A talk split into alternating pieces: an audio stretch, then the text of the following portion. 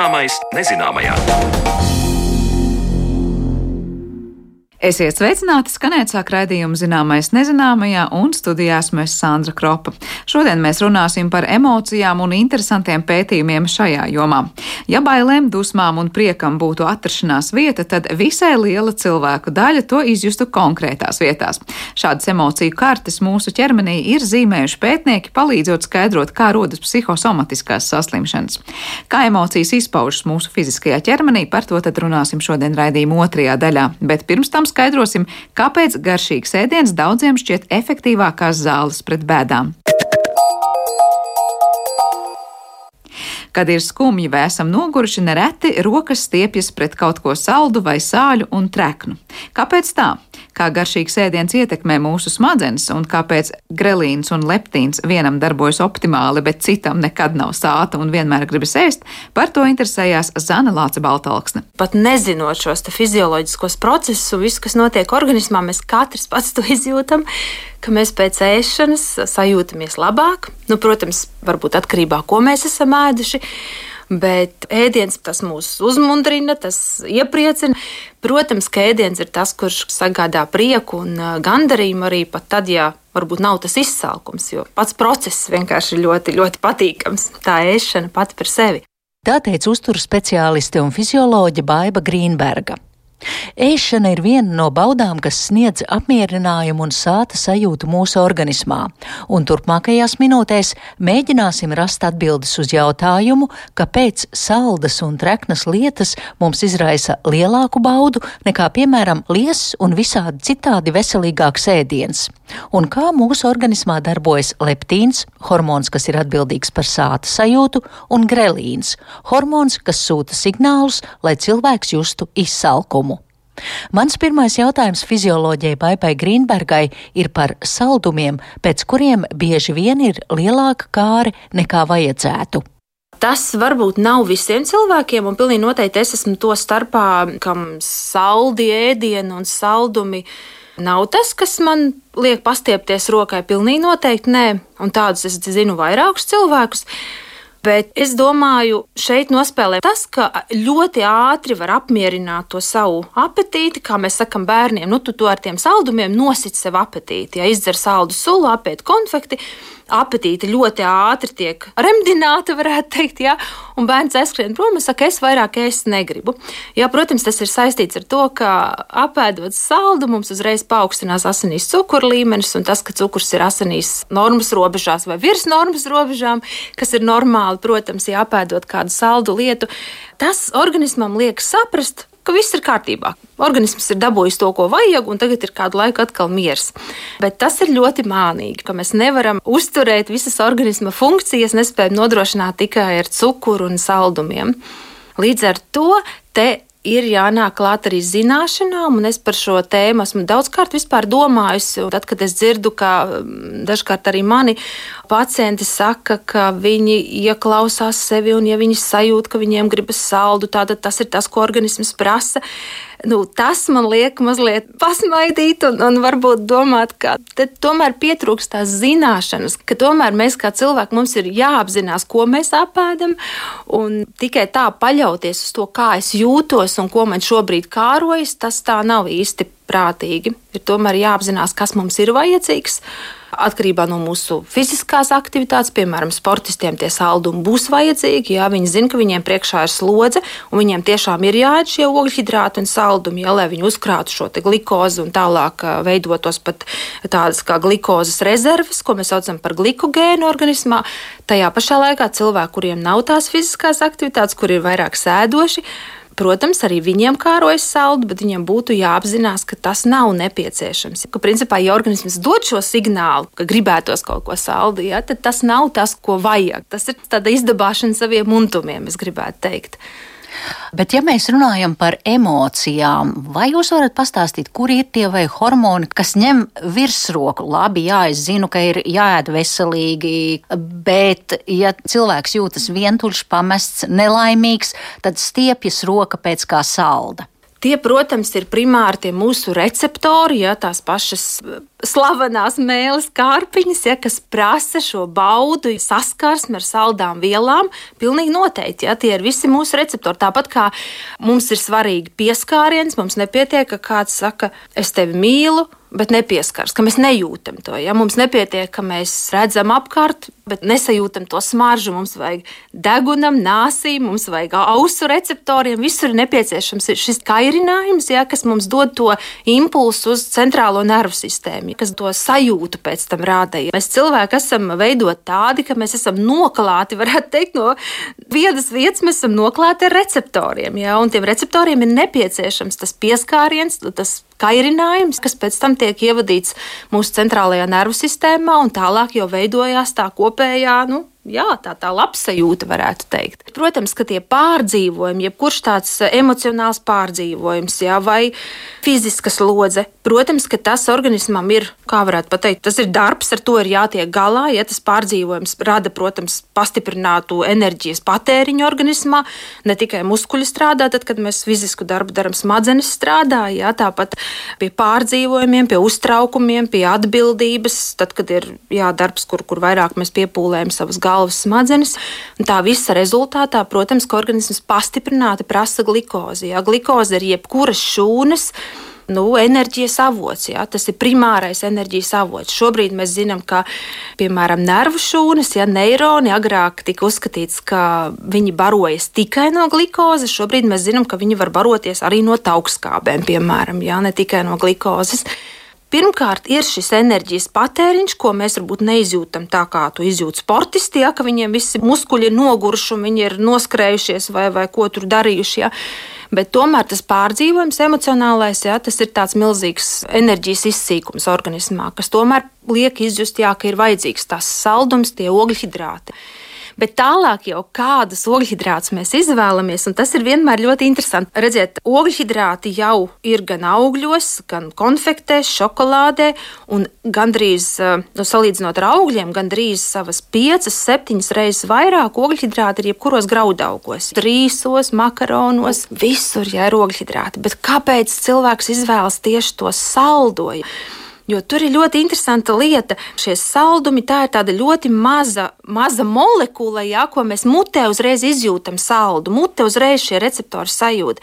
Bet šī garā cietas molekula, kas ir grīķu rīsu, pamatā tā tiek sašķelta tikai tievajās zarnās, un tikai tur atbrīvojās šī glikoze. Un tievajās zarnās nav šie receptori, kas uztver to saldo garšu, un līdz ar to mēs to nejūtam. Redziet, te nospēlē tas, ka cilvēks pirmkārt grib sajust, un tad, kad viņš jūt to saldo garšu, jā, viņš zina, tur ir ogļhidrāti. Un tāpēc dažkārt mēs baidamies no augļiem, mēs baidamies no žāvētiem augļiem, ja, jo mēs izjūtam ļoti spēcīgu saldu garšu. Tas asociējas, ah, tad, tad tas ir saldums, tūlīt man būs liekais svars, un man tur diabetes, un kas vēl. Ja. Tā pašā laikā ēdam rīsu galetes, ja, kurās ogļhidrāti ir savi 70%, un turpat šķiedrviela dažkārt nav, kas aizkavē to glukozes kāpumu. Tā kā tomēr tā izvēle jau ir paša cilvēka rokās. Par ēšanu mūsu organismā ir atbildīgs hormons leptīns, kas ražo ķermeņa tauku šūnas, un šis hormons, tā teikt, dod ziņu smadzenēm, ka cilvēks ir paēdis. Taču mēs labi zinām, ka nereti vien, neraugoties uz apēsto, rokas stiepjas pēc nākamā kumosa. Leptīns tas ir tāds ilgstošs darbības hormons. Nav tā, ka leptīns mums uzreiz tajā brīdī, kad mēs esam pāēduši, viņš momentāli raidīs signālu smadzenēm, ka ir jāpārtrauc ēst, un uzreiz iestājās šī sāta sajūta. Viņš darbojas tādā ilgtermiņā. Un, protams, leptīns, kā jebkurš hormons, pienes šo informāciju centrālajai nervu sistēmai, galvas smadzenēm, kur mums ir šie augstākie vegetatīvie centri, hipofīze, hipotalāms, un tad, tad tie saņem šo informāciju. Un tā leptīns, protams, tad, kad cilvēkam jau sāk šīs tauku šūnas pavairoties, ja, un tauku šūnas ir tās, kuras ražo leptīnu, tad leptīns ir tas, kurš paziņo, ka nu, varbūt tomēr ir jāpiebremzē ar to ēšanu, ja, un jāveido tajā organismā to sāta sajūtu. Un tā viņš ziņo to hipotalāmam, ja galvas smadzenēs. Un tālāk hipotalāms tad nu, rīkojās un, un liek lietā arī pārējos hormonus, iesaista visu šo mūsu gan nervu sistēmu, gan pārējo hormonālo sistēmu, kas atbild par to, lai mazliet, mazliet piebremzētu mums to apetīti kāpēc cilvēkiem tas nu, nedarbojas vienlīdz vienādā jaudā. Jā, tas jā, nedarbojas tā, tā, tā sāta sajūta, jā. mēs paši zinām un ļoti daudz klausoties, bet tā jā. nav, tā nav, es apēdu vienu cepumu pats, viņa man vēl un vēl gribas. Bet tā tas ir ar daudzām lietām, un es domāju, ka tomēr te ir arī pavisam vienkāršas lietas pamatā. Tāda ēšana un pārēšana zināmā mērā arī ir kaut kādā garlaicības pazīme. Ja? Tā brīdī, tad, kad īsti varbūt nav ko darīt, mūsu uzmanība kaut kur noklīst, ja, tad gribas paknakstīties, vai arī, ja man acu priekšā kaut kas ir. Es pati pēc sevis skaidri šo zinu. Man mājās var nekas nesmu, parasti arī nestāv nekāda salduma mājās, bet ja man nu kāds tur bērns vai, vai kāds ir ienesis to saldumu, saldums. Protams, ja man te pat acu priekšā būs, es viņu paņemšu un apēdīšu. Un, ja es vienu apēdīšu, tad tūlīt es stiepšu roku un ņemšu nākamo, ja, ja man tur vēl būs priekšā. Tas ir arī tas mūsu, ne tik daudz, ka tie hormoni mums tur tās rokas kustina ja, un liek kaut ko ņemt, ka tā ir mūsu paša izvēle. Tāda nespēja izdomāt sev citu aktivitāti, kaut ko, kas spēja aizstāt to mūsu vēlmi pasēdēt un panašķoties. Tā ir mūsu pašu atbildības. Mēs nevaram vainot tur hormonus. Leptīna pretmets ir grelīns, hormons, kas savukārt sūta signālus par izsalkumu sajūtu. Un arī runājot par šo hormonu, Baiva Grīnberga teica, ka te atkal runa ir par gribas spēku un hormonālo darbību. Tad grelīns tik tiešām, tad, kad tas kuģis ir tukšs, organisms saprot, nu, ja arī cukuru līmenis sāk kristies asinīs, ja, tad grelīns tajā brīdī jau sūta šos signālus uz visiem sāta un apetītes regulācijas centriem smadzenēs, ja, un cilvēkam rodas šī vajadzība ēst. Tad, tad asinīs krītas cukuru līmenis, tad ir tā vajadzība, ka gribas piepildīt to kuģi. Kuģis ir tukšs un viņš dod to signālu, kad ir vajadzīgs papildinājums. Jā, grelīns dara to ātri. Bet, ja tas kuģis nav tukšs, bet vēl joprojām tas grelīns tur sūta signāls, arī pēc trešās sviestmaizes sūta signāls par ceturto sviestmaizi vai par kaut ko vēl citu, Tā var būt atkal pilnīgi mūsu uzvedība. Protams, mēs uzturu speciālisti, mēs jau arī sakam cilvēkam, tas ir tāds ļoti jau zināms ieteikums ēst lēnāk, ja ļaut, kamēr tas hormons arī izstrādājās, ja kamēr viņš arī beidz to savu darbību, vienkārši dot laiku ja organismam. Protams, ja mēs ilgstoši neesam ēduši, mēs sarījamies. Un tā ir tāda mūsu uzvedība. Ja mēs tā darām, diemžēl mēs nespējam sev piebremzēt, un piebremzējam tiešām pēc tās trešās, ceturtās viestmaizes, kad jau tas vēders ir tik pilns, ka, ka tūlīt pat ir jāsāk nožēlot, kas esam vispār tik tālu ēduši un aizēdušies, jau, un, un jau ir pašiem smagi un nepatīkami.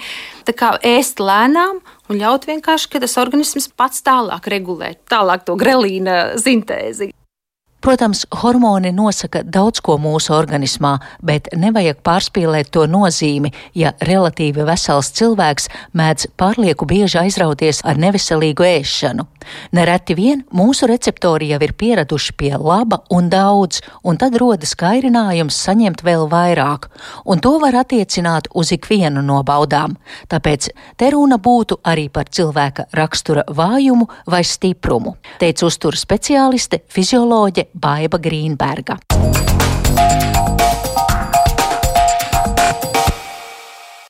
Paldies Zanēlācei Baltāksnē par stāstu. Tuvāk iepazinām ēšanas hormonus un to, kāpēc mums tik ļoti patīk labi paēst, bet par emocijām mūsu ķermenī saruna pēc brīža.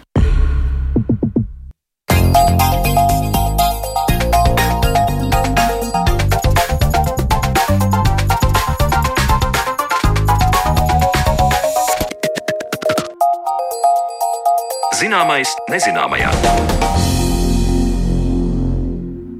To, ka mūsu emocijām ir cieša saistība ar mūsu ķermeni, apzināmies ļoti labi. Galu galā emocijas nav atrauc no mūsu fiziskā ķermeņa, taču pētnieki aizvien pēta, kā tieši dažādas emocijas ietekmē izjūtas mūsu ķermenī, un šī atklājuma ir nudien interesanti.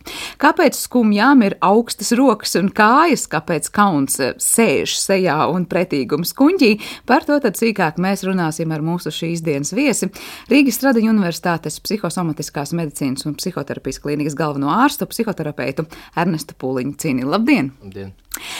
Pirms kāda laika jau te uzvirmoja pasaules mēdījos vismaz dažādas skaistas ilustrācijas tam, ka mēs varam ieraudzīt, ja tā var teikt, kur emocija atrodas mūsu ķermenī. Proti, kauns, bailes, nu, kā jau dažus es minēju, patiesībā ir lokalizējama kaut kur, nu, tad vai nu tur ķermeņa augšdaļa vai apakšdaļa, rokas, kājas vai kā citādi.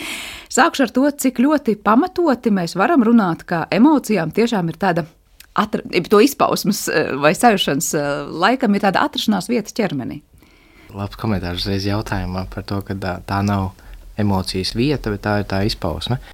Es domāju, šāds pētījums sabiedrībā vispār ir ļoti uh, interesants, jo nu, tas cilvēkiem parāda kaut ko uzskatām, nevis tādu abstraktu. Nu, kas tad īsti ir tā emocija, ar ko viņi atšķiras no viena no otras?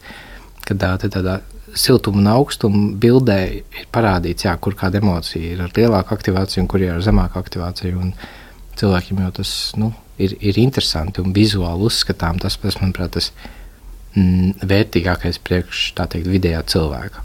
Nu, katrā ziņā eh, tas ir arī kaut kas, kur vairāk vai mazāk ir pazīstams katram. Varbūt ne ar katru emocijas izpausmu, bet nu, kurš gan nav sajūtis stresa brīdī savā organismā konkrētas izpausmes formas, vai savukārt tiešām, ja ir riebums, dusmas, kauns vai, vai es nezinu, skumjas, nu, ka tā tiešām ir sajūta, ka atspoguļojas, es nezinu, trīcošās vai augstās rokās un savukārt karstā mm -hmm. sejā un kā citādi. Kas ir tie izplatītākie, nu, nezinu, tie izpausmes veidi un tā lokalizācija?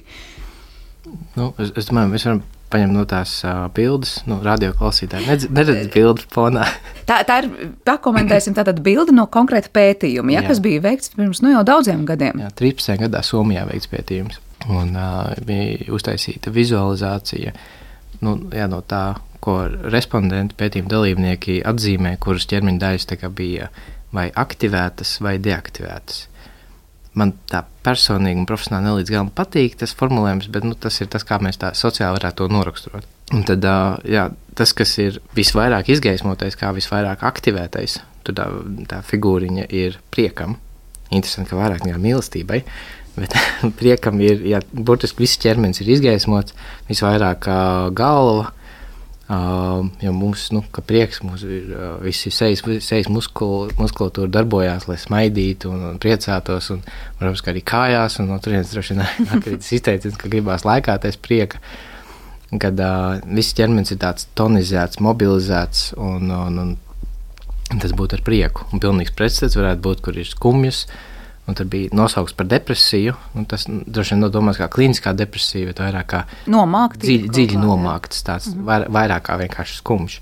Kad tur tās ķermeņa ekstremitātes, tās, nu, gan rokas, gan kājas, ir visbiežāk atzīmētas kā deaktivētas. Kā Bet tas nozīmē, ko, ka tajā brīdī cilvēks vienkārši, nu, kā saka, pat šūnu līmenī tur īpaši daudz neko nejūt aktivētu un, un, un aktīvu, vai tas ir kaut kāda, nu, nezinu, lēnāka asinsrīta vai kaut kādas pilnīgi pat tādas lietas, nu, ko nozīmē deaktivēta tajā brīdī, nu, jā, tajā bildes ne... kontekstā. Tāpēc man nepatīk tas vārds aktivēts un deaktivēts, jo kā es saprotu, tās, kā cilvēks uztver to aktivētu un deaktivētu, ir ļoti, nu, daž, ļoti dažādām tām izpausmēm. Viens varētu būt no muskulatūras apziņošanas, kas bija piemēram pie dusmām, bija uh, visvairāk ķermeņa augšdaļai, sejai un rokām. Tā it kā aktivācija.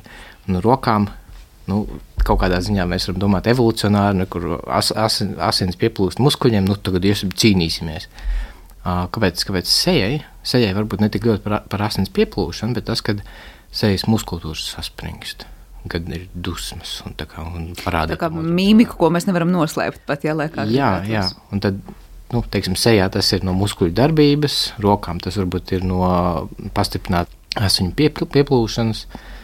Un, nu, es domāju, nu, tās visas izpausmes arī nu, tā ir cilvēki to noraksturo. Jo tas var būt gan, gan no muskuļu apziņošanas, gan no ādas apziņošanas, gan no gan no kaut kādām citām tām reakcijām, kas, kas var būt, teiksim, tad, kad uzmetās šermuļi un drebuļi. Nu, labi, tur, tur nav ne muskulis. jā, tā ir vienkārši sajūta. Jā, nu, tas, ir, un, tā, tas ir saistīts ar autonomo nervu sistēmu, kā viņa kā, aktivizē uh, mazos uh, matu pacēlāju muskulīšus pie katra mazā matiņa pie rokām. Un tad uh, uzmetās zosāda Un pie dažādām reakcijām. Viens ir jā, uz fizisku reakciju, teiksim, uz augstumu, otrs ir varbūt emocionāli arī izraisīt tieši tādu pašu reakciju. Nu jā, no emocionālā un fiziskā reakcija, kā dažkārt iet roku rokā, laikam klasiskais piemērs ar to citronu. Nu, cik kurš var iedomāties, ja citi varbūt tiešām ļoti spilgti iedomājoties. Mm. Uh, jā, izgaršot citronu, tiešām fiziskas pārmaiņas sajūt savā mm. organismā. Bet uh, pirms mēs turpinām par to bildīt ar tām visām pārējām emocijām, kas es pieņemu, ka klausītājiem ir ļoti interesanti, es gribēju vaicāt, vai nu, zinot, kā mēs nu, droši vien katrs reaģējam uz jebko, vispār ir kāda emocija, kas nebūs aktivizēta mūsu sejā, vai mēs varam vispār pat pilnīgi, pilnīgi nepaust neko ar mūsu mīmiku. Uh, lai, lai pēc tam mēs teiktu, nu, lūk, kāda emocija vispār nav aktivizēta un aktivēta sejā.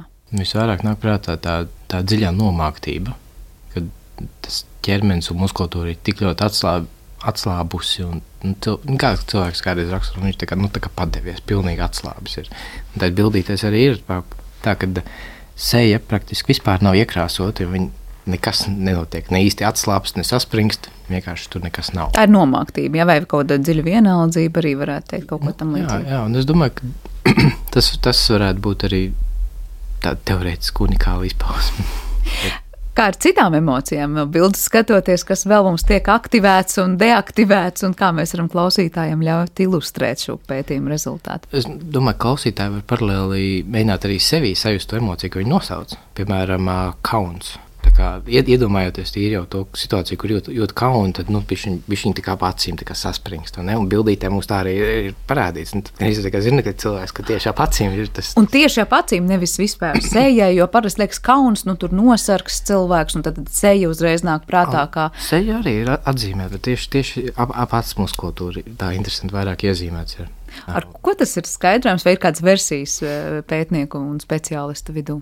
Es, es domāju, ka tad vairāk ir jārunā par to emociju universalitāti. Jo uh, šis pētījums bija taisīts uh, Somijā, bet tur salīdzināja gan uh, nu, cilvēkus, kas bija turpat vietējie, tā teikt, Skandināvija, bet bija arī no Austrumāzijas, man šķiet, ka Taivāna.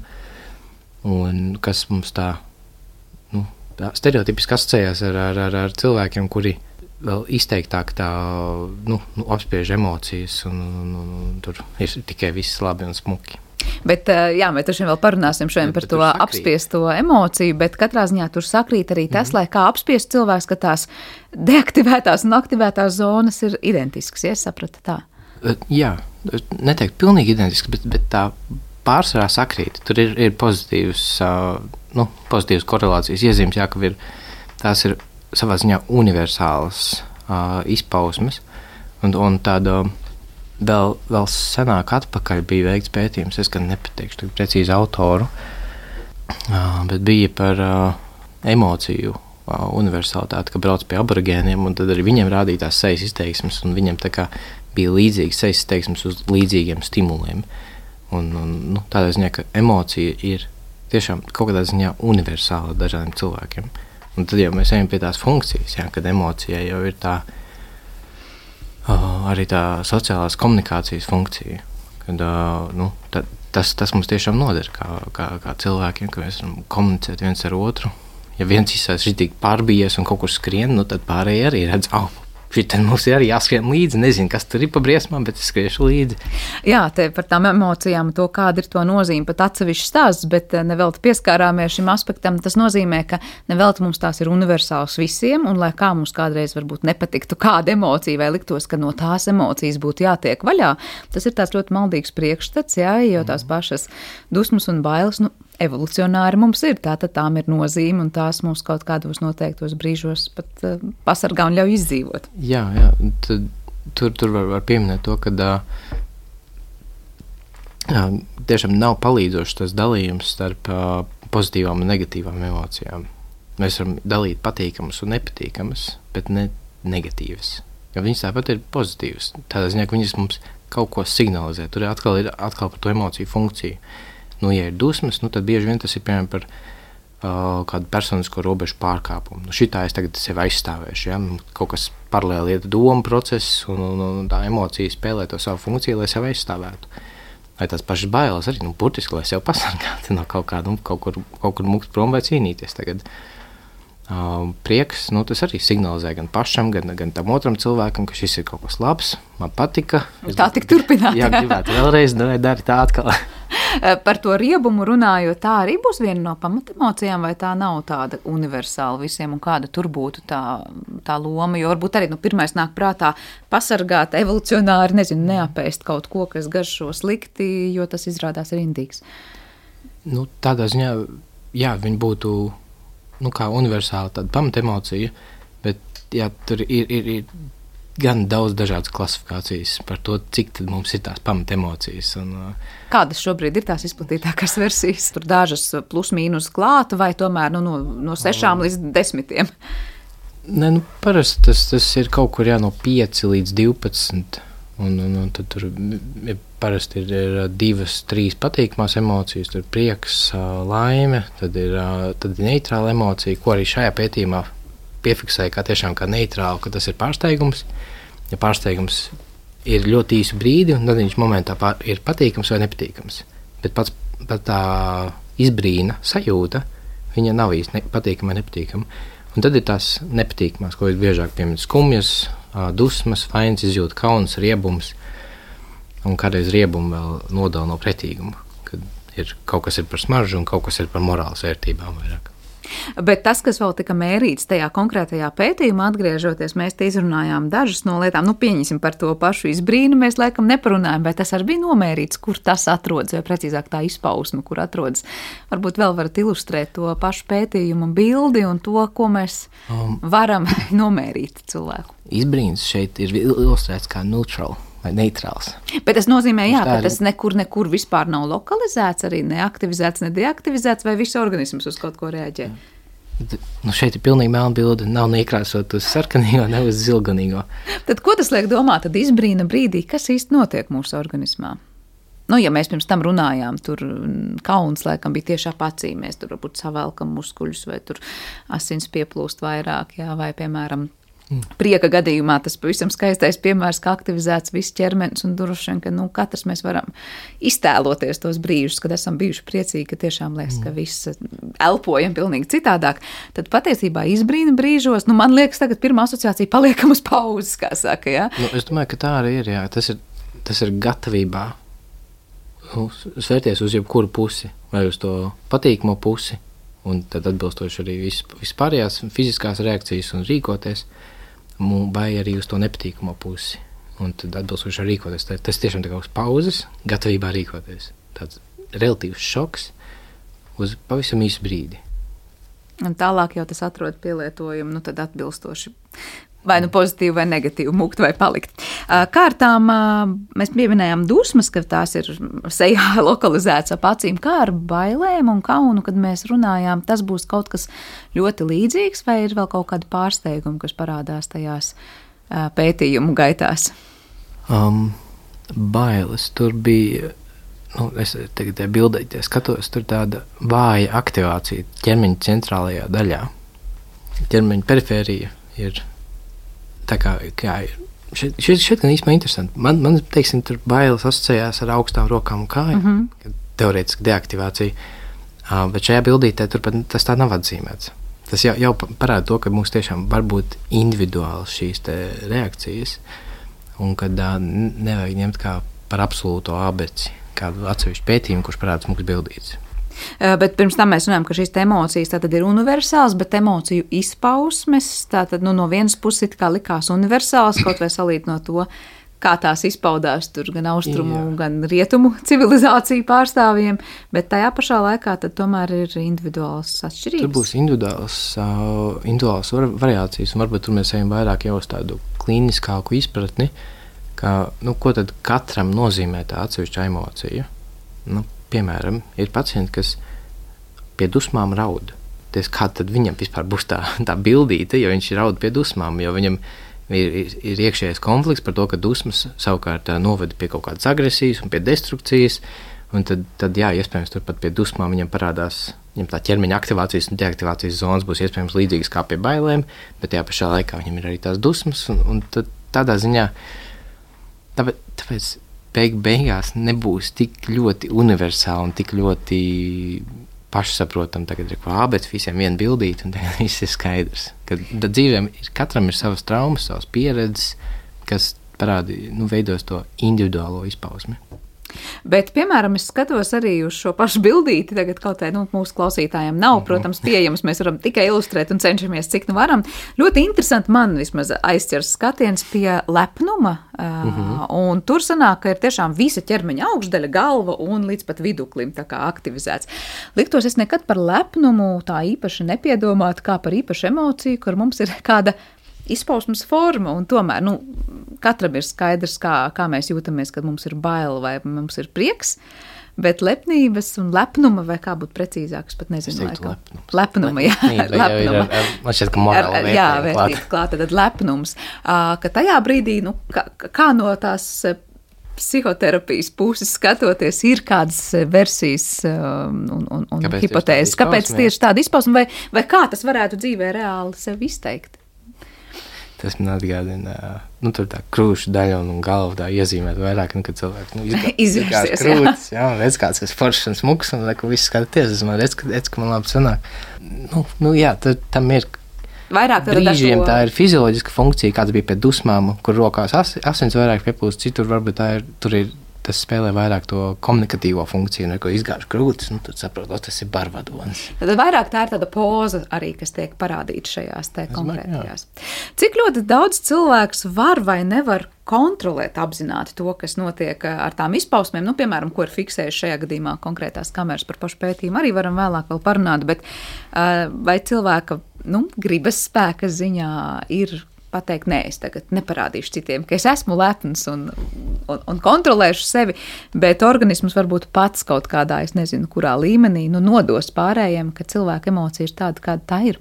Teorētiski kontrole būtu iespējama, jā, jo nu, tas, tas būtu arī viens no tās emocionālās inteliģences tādiem pamatmomentiem, kad cilvēks spēj atpazīt un kontrolēt savas emocijas, un attiecīgi arī tās izpausmes nebūs tik spilgtas nepatikt, ja, ja gal galā būtu tas vērtē, nu, tā ideja, arī ko es slēpšu to emociju, nerādīšu. Nu, tad tas ir drīzāk jautājums to, kāpēc es gribu slēpt to emociju. Bet pēc, pēc būtības tās izpausmes tiešām var variēt atkarībā no tā, cik spēcīga ir emocija, cik ļoti teikt, prāts ar viņu tiek galā. Ja, teiksim, nu, cilvēks var uziet uz skatuves, nokaunēties, teiksim, tur paklupis, ja, un kād, kādam būs ļoti spilgta tā gan emocija, gan arī tā izpausme. Nu, kad viņš rītī būs nosardzis, un pēc tam jau tur būs trīcošām rokām. Tiešām. Un kāds cits varbūt arī tur pakritīs, sajutīs, sajutīs kaunu uz īsu brīdi, un pēc, pēc tam viņš spēs pārslēgties un saprast, nu, tā, tā teikt, caur tādiem mentāliem procesiem pārvarēt to izjūtu un saprast, nu, jā, nu, tīzli not, notizlojos, bet, nu, tā kā, nu, ejam, ejam tālāk, visu kopie pas, pasmiesimies par to. bet jūs tikko teicāt, nu, nezinu, situācija, kurā cilvēks gribētu slēpt to izpausmu vai to emociju. Man ir cilvēki stāstījuši tieši tā, ka būtu publiski vai kaut kādā vietā, kurā, nu, tad visu uzmanību ir uz tevi, un cilvēks ir pats teicis, savulaik man bija problēma, es vienmēr tad nosarku vai kā citādi, Un es sāku sevi kontrolēt, domājot, ka nu, es it kā ar domām atļaušos neiet tai izpausmē augstāk par savu kaklu. Proti, nu, cilvēks tā kā nav parādījis to savu sarkšanu vai kaunēšanos sejā. Vai tas ir iespējams, vai tā ir cilvēka iedoma, vai mēs patiešām esam spējīgi ar sevi kaut kādā veidā, nu, katrs savā veidā strādājot nu, apiet, var teikt, tās fizioloģiskās izpausmes emocijām, nu tad kas mūsu organismā aktivējas, deaktivējas un, uh, un ietekmē to, ko citi redz vai neredz. Es domāju, šajā piemērā tas nav tik vienkārši kā izdomāt, tagad, nelaidīšu augstāk pa kaklu. Teorētiski jā, to, to var izdarīt ar tādu spēcīgāku mentālo procesu, nu, kad tās emocijas vairāk tiek mentāli, nu, tādā domāšanas līmenī tiek vairāk apstrādātas, un, un tāpēc viņas nu, neizpaužās tik ļoti ķermenī. Tas, tas, tas gan būs kā nu, tāda universāla likumsakarība. Proti, tās vairāk... emocijas tiek apēstas kaut kur jau pa vidu, ja kaut kur tad nu, viņas netiek. Jā, kaut, kaut kur viņām ir jāpaliek. Vai nu viņas, teiksim, tā, caur mentalizāciju vai caur domāšanu, viņas kaut kā tā teikt, atrisināsies un, un izpaudīsies, un attiecīgi ķermeņa izpausmes ir pat mazākas. Varbūt vienkārši viņas tiek apspiestas, un par viņiem netiek domāts, un saka, nē, es nedusmojos. Un mēs tieši ķermeņa valodā redzam, ka tas cilvēks ir vēl jau vairāk dusmīgs, kā viņš to saka. Un varbūt, ka teiksim, tā pašu to proporciju vēl var, var mainīt, piemēram, runājot par to emociju. Piemēram, tajā brīdī, kad uh, runā par kaunu, tad praktiski cilvēkam tajā brīdī vairs nav kauns. Ja viņš viņu ir izlicis ārā, viņš ir stājies pretī. Un šādi viens terapeits teica, kaunam nepatīk, ka viņi runā. tad, tad tajā brīdī kauna vairs nav, ja jā, tas jā, tā nosauks vārdos. Bet par to kautrēšanos ir tās otrs piemērs, ko daudz saka līdzīgi arī, kā kaut vai iet uz skatuves un domāt, kā nepaklupt un paklupt, ja, tad arī, kā tik es nenosarktu un tajā brīdī cilvēks nosarkst, vai mēs tajā brīdī paši vienkārši sākam koncentrēties uz emociju, kas varbūt pat nemaz nav vēl īsti mūsos dzimusi, un ar to, ka tik ne mēs sākam izdzīvot tās emocijas, no kurām mēs it kā mēģinam aizbēgt tajā brīdī, un tās nu tad izpaužas ķermeniski, kā nu tās izpaužas. Kāds varētu būt skaidrojums? Jā, es domāju, tā praktiski kura emocija tā mentāli var uzģenerēt. Nu, teiksim, jā, es te sākšu domāt par kaut ko baidīties, nu, jā, man arī būs tas visas izpausmes, kas iet kopā ar bailēm.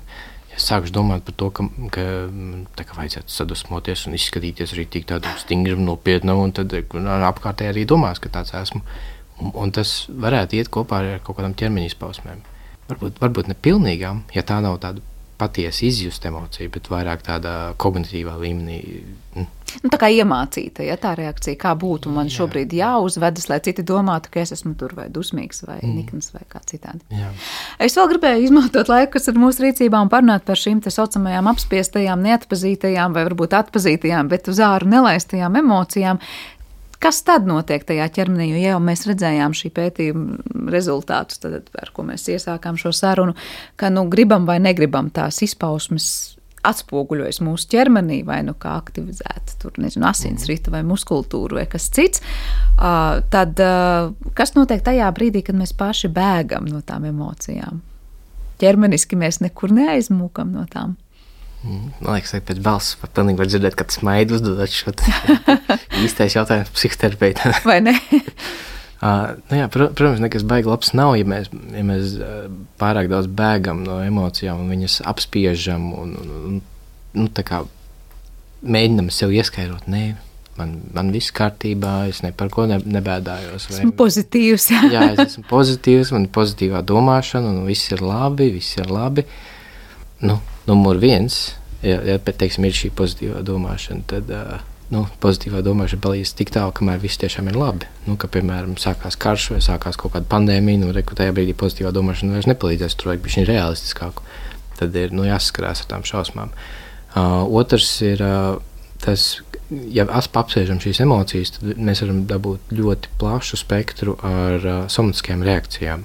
Uh, nu, teiksim, ja ir dusmas, kuras tiek apspiestas, varbūt sāp galva. Teiksim, ir kaut kāds tur uh, priekšnieks darbā, kurš ir rītīgi saniknojis, un, un, un tad, nu, tā kā uz priekšnieku baigi nebļaus pretī, nu, tā kā darbā vajag saglabāt, un tad, tad galva pēc tam dienas beigās var sāp, sākt sāpēt.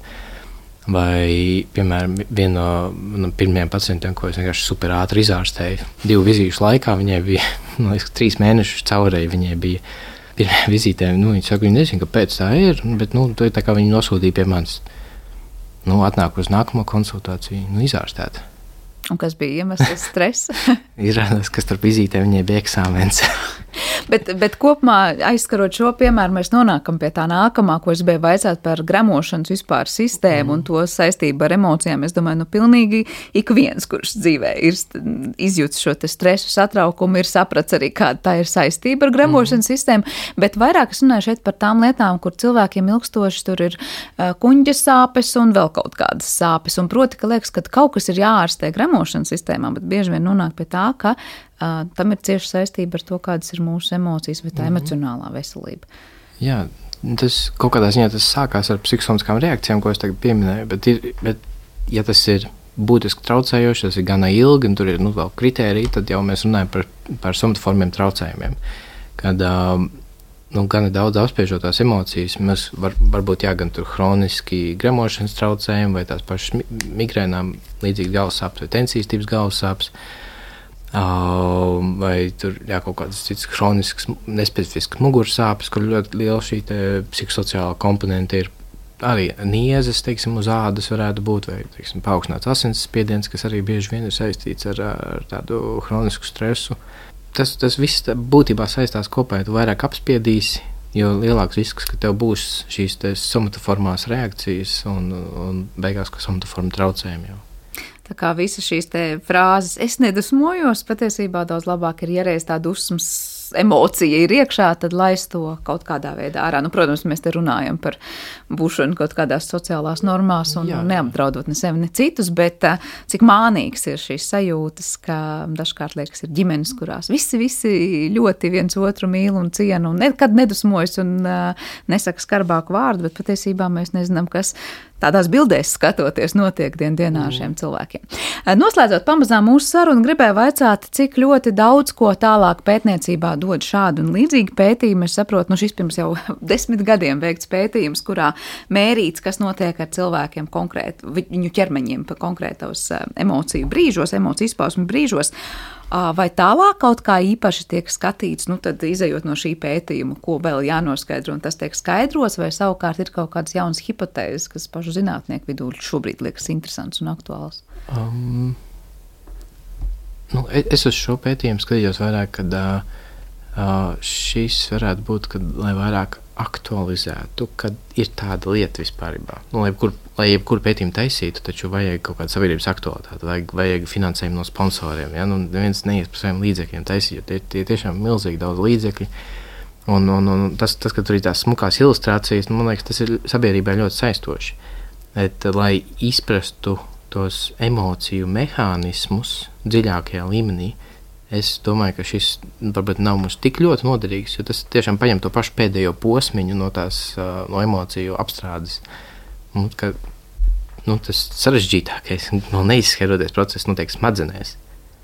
Un, jo, jo tur, tur ir, mums ir visa limbiskā sistēma, un tur viss saistās kopā. Tur ir, tur ir emociju procesēšana, tur regulē miegu, regulē nu, izsaukumu un slāpes. Uh, Un, un, un, un tāpēc arī kādreiz ir, kad ir skumjas, tad gribās ēst. Nu, tas viss mums tur smadzenēs ir vienā, vienā kunklī. Citiem atkal otrādi, varbūt jā, ir skumjas un galīgi nevar iest jā, neko. Tas ir ļoti individuāli, bet tas smadzenēs šobrīd pēc šī mēs uztvers, tas ir relatīvi nodalītās vietās, bet es saku relatīvi, jo nu, tas tiešām ir viens, nu, viens kunkuls ar, ar ārkārtīgi daudz neironiem un, un neironu savienojumiem. Tur ir tik daudz unikālu savienojumu starp tiem neironiem, ka mēs viņus nevaram paņemt vienu neironu, pateikt, ka šis neirons dara mums to, vai arī šie simts neironi, kas savienojušies tā, atbild to, ka es izjutīšu prieku tajā brīdī, kad uh, es ierodos mājās, piemēram. Nu, ne, mēs nevaram vēl, vēl tā pierādīt. Bet par sarežģītākais. Tad tur vēl ir daudz darāmā, un tur ir daudz darāmā gan psihoterapeitiem, gan praksē strādājot, mm. gan arī pētniekiem, protams, īpaši pētot visas šīs lietas, bet nevēl piesaucāt prieku, un man atkal atmiņā nāk mūsu sarunas sākums, kur teicāt par šo pētījumu, kurā prieks ir vienīgā, nu, praktiski vienīgā emocija, kuras izpausme iezīmēs tiešām pa pilnīgi visu ķermeni, un tad man liekas, nu, tiešām jāpriecājas ar visu ķermeni un mm. ar visu mūsu organismu, un cik ļoti tas vēlreiz pierāda to, cik veselīgi veselīgi droši vien ir atrast, par ko priecāties arī mūsu ikdienā. Bet patiesi, kā mēs jā, runājam, jā, nevis, jā, patiesi, nevis izliekoties. Paldies par šo sarunu. Un tiešām bija prieks studijā satikt Rīgas Tradiņu Universitātes psihosomatiskās medicīnas un psihoterapijas klīnikas galveno ārstu un psihoterapeitu Ernestu Puliņu Cini. Ar to arī šis raidījums ir izskanējis un par to parūpējās producenta Paula Gulbinska. Mūzikas redaktors šai stundai bija Girs Bišs. Studijā bija kopā ar jums visiem šeit. Es Sandra Kropa. Uz tikšanos!